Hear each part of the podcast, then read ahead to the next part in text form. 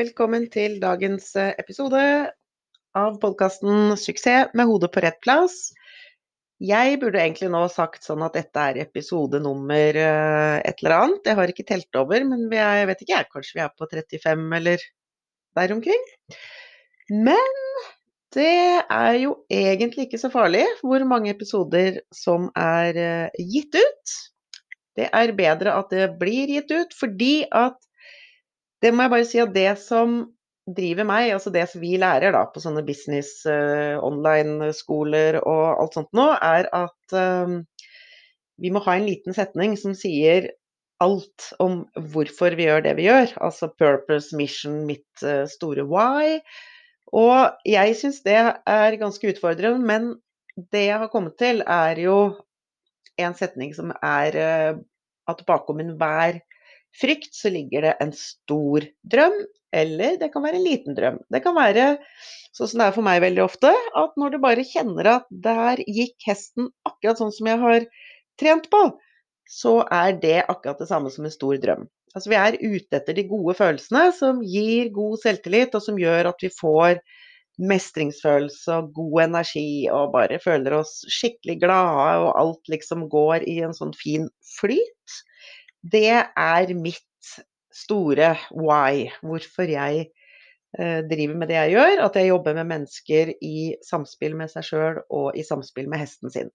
Og mitt hovedfokus er jo, for de av dere som har fulgt meg en stund nå, så er det jo det som sitter i hodet, og som forstyrrer så veldig for alt det andre. For du kan være så god du vil til å ri, eh, men det hjelper ikke hvis du f.eks. får fullstendig uh, freeze når du skal inn på en konkurransebane, eller som dagens episode skal handle om, at du kvier deg for å, ri, for å ri ut. Du vet at det er bra for hesten med variasjon, men du kvier deg for å, å ri ut. Og Agria de har jo en periode nå kjørt en kampanje som handler om å stoppe haltheten ved f.eks. å ri varier, på variert underlag og i variert terreng. Og det oppfordres da virkelig til å trene hesten ute i terrenget, både for å styrke den fysisk, ved at den må bruke mange ulike muskler, og det gjør jo at den blir mer helhetlig sterk og smidig, og dermed så er den bedre rustet mot skader og belastninger i enkelte muskelgrupper, som igjen kan gi halthet. Og mentalt så styrkes den også ved å oppleve nye ting, og den må kanskje tenke seg litt om. ikke sant? Hvor skal den plassere beina sine? Den må bruke hodet sitt, så den ikke bare snubler av gårde ut i terrenget.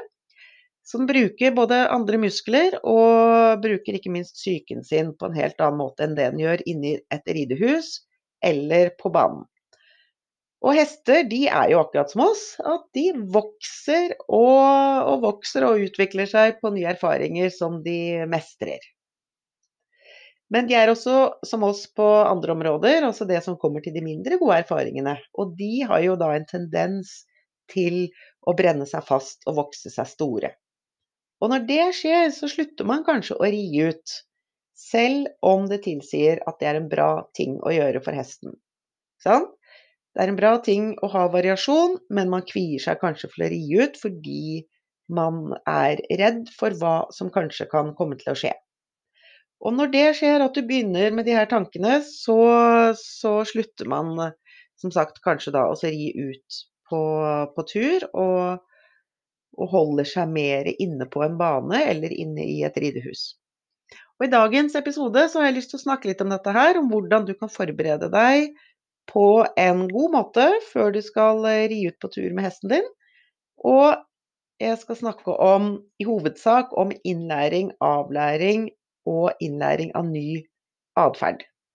Episoden den tar utgangspunkt i historien til en konkurranserytter som visste at det var klokt, smart, økonomisk besparende og best for hesten og god hestevelferd å legge treningen ut av ridehuset og banen, men hun turte ikke. Så hvis du blir med videre, så kan du høre historien om Astrid og hennes vei fra dårlig selvfølelse og samvittighet til mestringsfølelse og gøy. Og øh, jeg hadde egentlig lyst til å ha med Astrid i podkasten, men det er ikke alle som føler seg helt vel med å være med i en pod.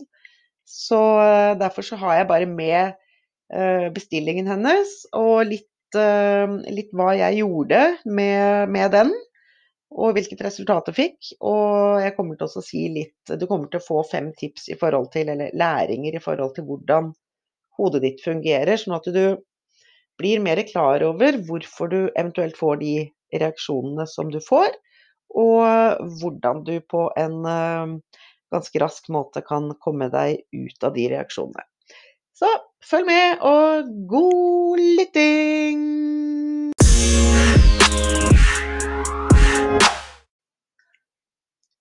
Vil vet det er bra for hesten, men tør ikke. Det gir meg så dårlig selvfølelse og dårlig samvittighet. Har du det sånn at du av og til kan kjenne på frykten for det som er uforutsett, det du ikke helt vet hvordan skal bli, eller hva som kommer til å skje, det er eh, helt normalt. Vi mennesker er skapt sånn, og hvis jeg f.eks. hadde fått et, eh, et, hopp, et fallskjermhopp i fødselsgave, da ville jeg umiddelbart ha kjent på en stigende puls, svette håndflater, tåkehjerne, skjelvende ben, klump i magen og sånn pust som bare stopper helt opp i halsen. Jeg ville garantert sett for meg en uh, film i hodet mitt der jeg hadde klamra meg fast inn i flyet, hvis jeg i det hele tatt hadde gått inn i det flyet, og nekta å hoppe ut. Og hvis noen hadde tatt tak i meg og dratt meg med, så hadde jeg vært helt sikker på at skjermen ikke ville løse seg ut, og vi hadde dundra i bakken med et brak. Selv om jeg innerst inne hadde visst at jeg nok ville nyte det vel ute av flyet med fallskjermen hengende over, så hadde jeg ikke gjort det. Fordi alle stegene derimellom og frykten for det ukjente, frykten for ikke å ha kontroll, hadde gjort at jeg ikke hadde, hadde gått om bord i det flyet. Og hvorfor forteller jeg om det? Jo, for mange ryttere, uansett nivå, så kan det være skremmende å ry ut i terrenget, selv om de vet at det er bra for hesten. Det kan være på samme måten som som det å hoppe i fallskjerm eller klatre i et fjell eller hive seg utfor en uh, ville stryk i en kajakk eller uh, sånne litt ekstreme ting. For mange så kan det å, å ri ut i terrenget, altså ut av banen, ut av ridehuset, oppleves som temmelig skremmende. Og det handler ikke om direkte det å ri ut i terrenget, men det handler om tap av en innbilt kontroll. Kanskje kan det være sånn for deg at du har lyst til å ri mer ut av banen for å skape mer liv og forandring for deg og hesten din, og der målet ditt kanskje er å bygge selvstendighet, variasjon, mer allsidig trening under ulike omstendigheter, og bruke naturen for f.eks. å løsgjøre og bygge styrke, eller bare oppleve lydene i naturen, utsikten, nye omgivelser, alle de naturopplevelsene som det også gir å ri en tur ut i naturen. For en del år siden så fikk jeg en e-post fra en dame som heter Astrid. Hun kunne fortelle at hun red dressur, hun konkurrerte, og hadde blitt redd for et eller annet. Hun visste ikke helt spesifikt hva det var hun hadde blitt redd for, men noe var det. Hun kjente det i hele kroppen sin. Og det som utløste det, var tanken på å ri ut i terrenget. Hun visste at hun burde gjøre det, fordi hesten hennes hadde vært eh, skadet en liten tid, og skulle nå stille og rolig settes i gang igjen. Og hun hadde jo da selvsagt blitt anbefalt terreng med eller variert underlag ute i terrenget, som hun kunne bruke for å, å, styrke muskulatur. Både det å gå opp og ned og sideveis og litt forskjellige sånne ting som gjør at hesten må må bruke andre muskler enn den kanskje da gjør på et helt plant underlag. Men hun kvia seg, og hun kunne ikke forstå hvorfor, og hun ville veldig gjerne finne ut av det sånn at hun kunne ri og være en god eier og trener for hesten sin. Så jeg vil starte litt med å si, si noe om innlæring av reaksjon. For det er viktig å finne ut av Hvorfor fikk hun den reaksjonen som hun fikk? Det er eh, noe som eh, Astrid og jeg måtte finne ut av. Og det første da, det var selvsagt å finne ut av når lærte kroppen hennes å reagere med frykt på ideen om å ri på tur. Nå skal det sies at hun hadde faktisk ikke ridd så mye ut i terrenget uh, på ganske mange år. Uh, og det var jo én side av det. Så vi måtte finne ut av når Astrid forteller da om et ubehag i hele kroppen uten å se for seg noen indre bilder eller filmer så forteller det meg at hun har enten opplevd noe langt tilbake i tid, som er borte for bevisstheten, men kroppen husker. Kroppen husker alltid. Eller det kan være en serie med ulike opplevelser innenfor ulike livsområder som handler om det å ikke ha kontroll. Vi mennesker er ofte litt kontrollfriker, så det å miste kontrollen, det liker vi ikke. Og når du får kanskje en serie med ulike opplevelser innenfor ulike livsområder som du har glemt og ikke helt har oppe i bevisstheten din lenger, så kan det handle om at du rett og slett har generalisert en følelse 'jeg har ikke kontroll'. Hjernen din den har tre hovedfiltre for sortering av informasjon, og en av dette er generalisering. Hvis du har vært redd eller tap av kontroll i en livssituasjon, som sagt, så kan den generalisere det til lignende situasjoner av tap av kontroll. Så Derfor så kan generalisert frykt uh, spre seg fra f.eks. at du har skulle gjort noe som du ikke hadde kontroll over. Uh, ja, la oss bare si et jobbintervju eller en eksamen du var dårlig forberedt til, eller du skulle på en date, eller et eller annet. Som du gruer deg til for du ikke har kontroll, og da kan den opplevelsen blir generalisert, sånn at den sprer seg over til ridningen, som da f.eks. å ri på tur. Det er én måte som eh, hodet ditt eh, virker på.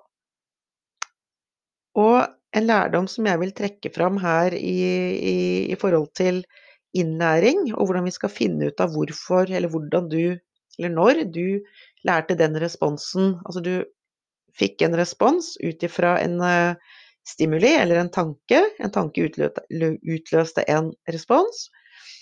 Det er at du har en eh, kroppshukommelse, og i den så ligger alt du har opplevd fra du ble født og fram til i dag. Og dermed så kan vi spole tilbake i hukommelsen og finne tilbake igjen til den gang da. Den gang da som akkurat denne responsen på tap av kontroll ble innlært. Så vi jobbet bakover i tid, spolte oss tilbake, inn i underbevisstheten, inn i kroppsminnet, og fant ganske raskt den hendelsen som skapte dagens ubehag, som var helt ubevisst for eh, Astrid, men vi fant bevisst tak i den hendelsen som skapte dagens ubehag, og som førte til at Astrid ikke turte å ri ut i terrenget, enda hun ville, og hun visste at det var bra for hesten hennes i denne fasen av rehabiliteringen. Så lærdom nummer to stimuli, respons. Du kan finne stimuli, altså den episoden eller hendelsen, som gir responsen en følelse. Henger du med? Det er bra.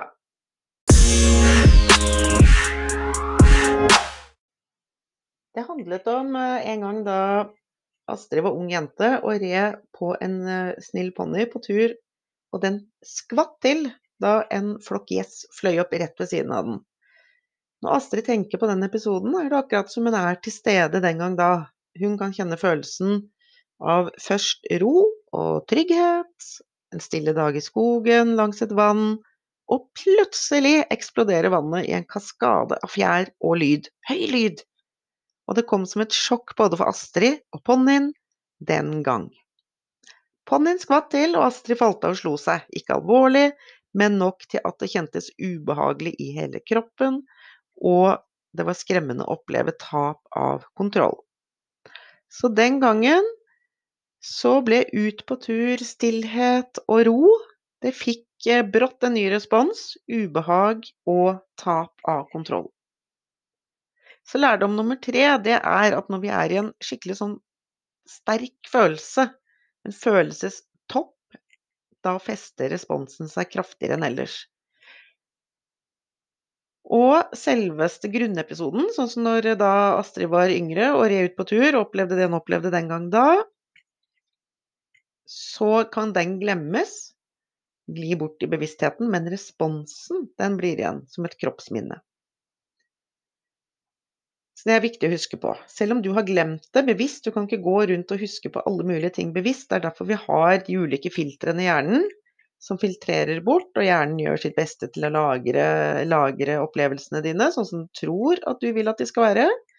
Men det er slett ikke riktig hver gang. Så det, det som skjer, er da at det ligger der i kroppsminnet, og det kan utløses ved bare tanken på å ri på tur, så får du en ubehagelig følelse som du ikke helt vet hvor kommer fra. Men for å oppsummere litt, vi har spolt tilbake i tid, og vi har funnet grunnepisoden. Så ca. ti minutter inn i coachingtimen hadde vi avklart den bunnepisoden. Jeg kaller det bunnepisoden som er stimuli, som utløser den responsen, en ubehagelig følelse i hele kroppen, ved tanken på å ri ut i terrenget og den dukket opp i nåtid og ga bare en ubehagelig følelse som Astrid ikke skjønte hvor kom fra. Fordi hun hadde jo lyst til å ri på tur, hun visste at det var bra, men hun gjorde det ikke pga. den ubehagelige følelsen. Så det vi gjorde etterpå, det var at vi måtte avlære den første responsen. Responsen om at ri på tur er lik tap av kontroll. Den måtte avlæres og det kan gjøres på to ulike måter. Den ene er å fjerne hele opplevelsen fra kroppsminnet. Og når man fjerner sånne hendelser fra kroppsminnet, så vil følelsen også forsvinne. Kort fortalt så fins det da ingen triggere for akkurat den følelsen knyttet til tanken om å ri på tur. Som da har gitt et ubehag, men som vi da eh, nøytraliserer, sånn at det ikke fins noen triggere der lenger. Ingen stimuli og respons. Det blir nøytralisert. Du har triggere i alle sansekanalene, og hovedtriggeren hos Astrid var tanken på å ri på tur, fordi at det hadde jo et minne som handla om lyden av mange fugler som flyr opp samtidig, synet av alle de fuglene som flyr opp samtidig, været den dagen, et stille skogstjern. En trigger kan også være en hest som ligner den ponnien hun red den gang da. Eh, det kan være lukten av skog. Og triggerne de sitter i alle sansekanaler, og de er utløsende faktorer for en spesifikk følelse eller tilstand. En tilstand er flere følelser samtidig. Så lærdom nummer fire. Kroppen husker alt du har opplevd på godt og vondt, og du kan fjerne stimuli og dermed få en nøytral respons. Den andre måten å gjøre det på er å lage et nytt manus til akkurat denne hendelsen, sånn at minnet vil forandre seg. Altså vi bruker bare fantasien til å lage et nytt minne, sånn at vi får et nytt kroppsminne.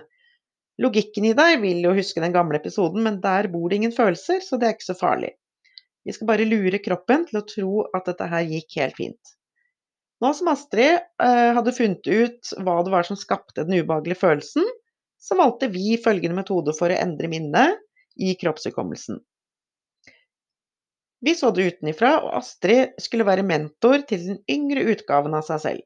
Hun kunne da stille og fredelig se hvilke egenskaper den unge Astrid ikke brukte den gang da, som førte til at resultatet ble sånn som det ble. At stimuli utløste en tap av kontroll-respons. Metoden går veldig kort fortalt ut på at hun tilfører en og en egenskap som ikke ble brukt den gang da, inn i den nye filmen som vi lager, og dermed forandrer den seg. På den måten så lager vi et nytt minne med en ny respons. Da har vi altså avlært, og vi har innlært. Tanken på tur i nåtid fikk ny respons. Tillit til hesten, tillit til seg sjøl, avspent i kroppen, indre ro, god balanse, hygge, gjøre noe godt for hesten, så lærdom nummer fem er du kan bruke fantasien din til å forandre minner fra fortid og bytte den gamle responsen med en ny og bedre. For å oppsummere timen med Astrid, så kom hun til meg med en følelse av ubehag ved tanken på å ri sin hest på tur. Dårlig samvittighet fordi hun ikke turte å ri hesten på tur, enda hun ville så gjerne gjøre det beste for hesten sin. Fortvilelse fordi hun ikke visste hvorfor denne følelsen kom, og satte henne så til de grader ut av spill. Og fortvilelse fordi hun ikke visste hvordan hun skulle bli kvitt følelsen nå. den var helt klart en stor blokkering på veien mot målet. På veien mot det hun hadde lyst til å gjøre for hesten sin, som hun visste at var bra for den.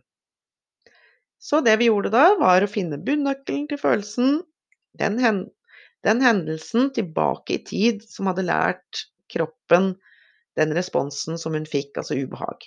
Deretter så diskuterte vi mulighetene, som jeg fortalte om, som gjorde at Astrid kunne skape en ny respons. Og vi valgte den metoden som lurer kroppen til å tro at hendelsen den gang da var annerledes. Så vi lager et nytt kroppsminne, og dermed òg en ny respons. Så tur ble dermed til Tanken på tur ble responsen til gøy å føle seg trygg. Og etter tre timer så var hun ute og red turer med hesten sin og følte seg helt trygg og hadde det kjempefint. Den metoden som jeg brukte da for å endre, den heter eh, på fagspråket ny atferdsgenerator. Og for de som har gått på kurs hos meg eller vært i NTN-coachingprogrammer hos meg, vil kjenne igjen denne metoden som renn og kast og kinoteknikken samt det å jobbe med tidslinjer. Så hva kan du gjøre når du havner i en situasjon der du f.eks. kvier deg til å gjøre noe som du har lyst til? Det handler jo om at når du ikke, ikke har en eh, plan så, og bare går inn i frykt, så er sannsynligheten for at du ikke gjør det du egentlig vet at du vil, da er sannsynligheten for at du gjør det eh, veldig liten.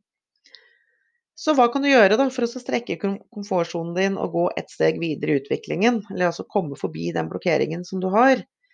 Da må du, uh, som et steg én, da må du starte med å avklare hva du er redd for. Du må avklare hvor er blokkeringen din. Og hvis den er så ubevisst som uh, de fleste blokkeringer, de ligger faktisk uh, ganske langt tilbake i tid, så kan det være en idé å få noen til å hjelpe deg med det, eller du kan rett og slett kun jobbe med den uh, følelsen som du har, sånn at du kommer deg ut av den. Da må du lage en plan og noen delplan.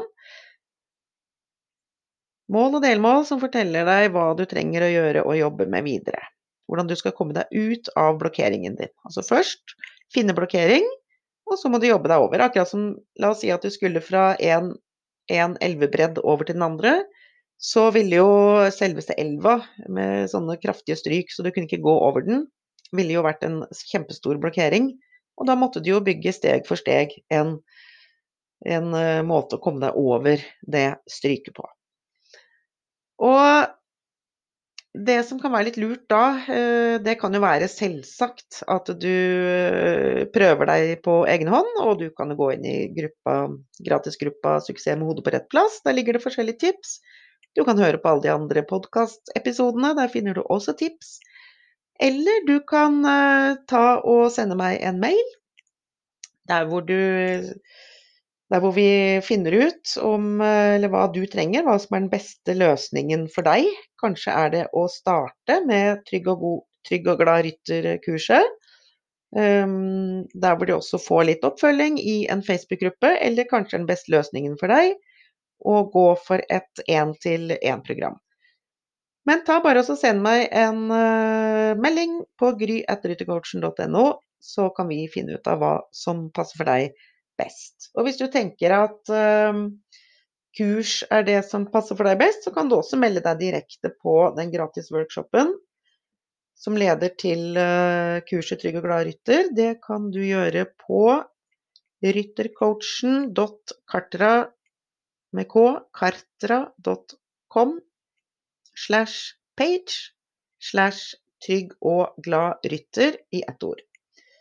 Du finner også den linken inne på websida mi som heter ryttercoachen.no, og du finner den nå inne i gruppa 'Suksess med hodet på rett plass'. Så da har du noen muligheter til å enten benytte deg av de gratistipsene og det som jeg eh, har lagt ut, som sagt, i podkasten og på, i den Facebook-gruppa, eller du kan ta kontakt og få et, uh, en tettere oppfølging én til én. Og da kan jeg love deg at etter tre timer er veldig mye gjort. For deg som har hatt uh, nytte og glede av denne episoden, og som har lyst til å være med på en trekning som vil være siste dagen i august. Der du kan vinne en uh, tretimers opplegg, én til én. Så kan du være med og hjelpe til å spre podkasten og ryttercoachen ved f.eks. å ta en uh, screenshot av denne episoden her, eller en av dine andre favorittepisoder, og tagge ryttercoachen og f.eks. legge det ut på storyen din på Instagram, på Facebook. Du kan også tagge de som venner av deg, som du tenker at eh, kan ha nytte og glede av å høre episoden under innlegget mitt eh, på Ryttercoachen på Facebook eller på Instagram. Og tagg og kommenter og del, og husk å, å tagge Ryttercoachen sånn at jeg vet at du gjør det, for da vil jeg plukke opp navnet ditt og legge deg i en liten kurv med navnet på de som er mine gode og andre, andres gode hjelpere, holdt jeg på å si. Vi som, eh, jeg som vil spre det her stoffet som jeg vet at hjelper eh, mange, og hjelp meg å spre det til de som eh, trenger det. Så det sier jeg veldig, veldig masse tusen takk, takk for på forhånd. Og helt til slutt så er det, er det noen temaer som du vil at jeg skal ta opp, så må du sende meg en melding på gry.ryttercoachen.no og så lager jeg en episode på akkurat det. Da håper jeg du har hatt glede av eh, episoden, og vi ses i neste episode. Ha det!